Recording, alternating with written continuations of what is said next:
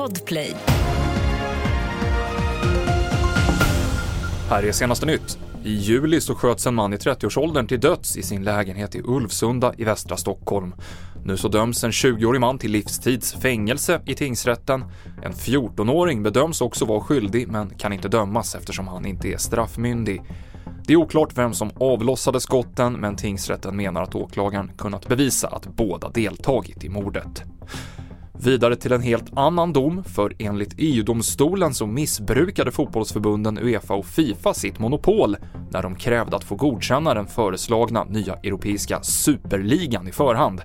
Det här kan ändra spelplanen rejält, säger Fotbollskanalens Olof Lund. Det kan bli kaos i fotbollsvärlden. Man kan jämföra med boxningsvärlden där det en gång i tiden fanns en organisation som utsåg en världsmästare. Nu kan det plötsligt dyka upp flera organisationer som det är i boxningens värld.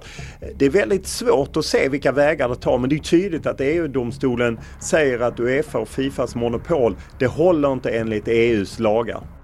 Och den man som barrikaderade sig i en bostad utanför Malung sen igår har omhändertagits av polis. Under natten togs det beslut om att evakuera grannar och stänga av en närliggande väg eftersom mannen ska haft skjutvapen.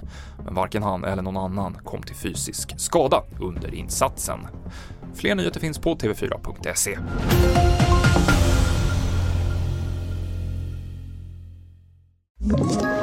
Ett poddtips från Podplay.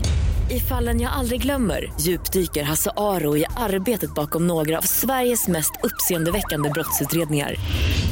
Går vi in med hemlig telefonavlyssning och, och då upplever vi att vi får en total förändring av hans beteende. Vad är det som händer nu? Vem är det som läcker?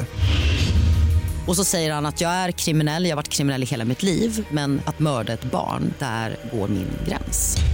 Nya säsongen av Fallen jag aldrig glömmer på Podplay.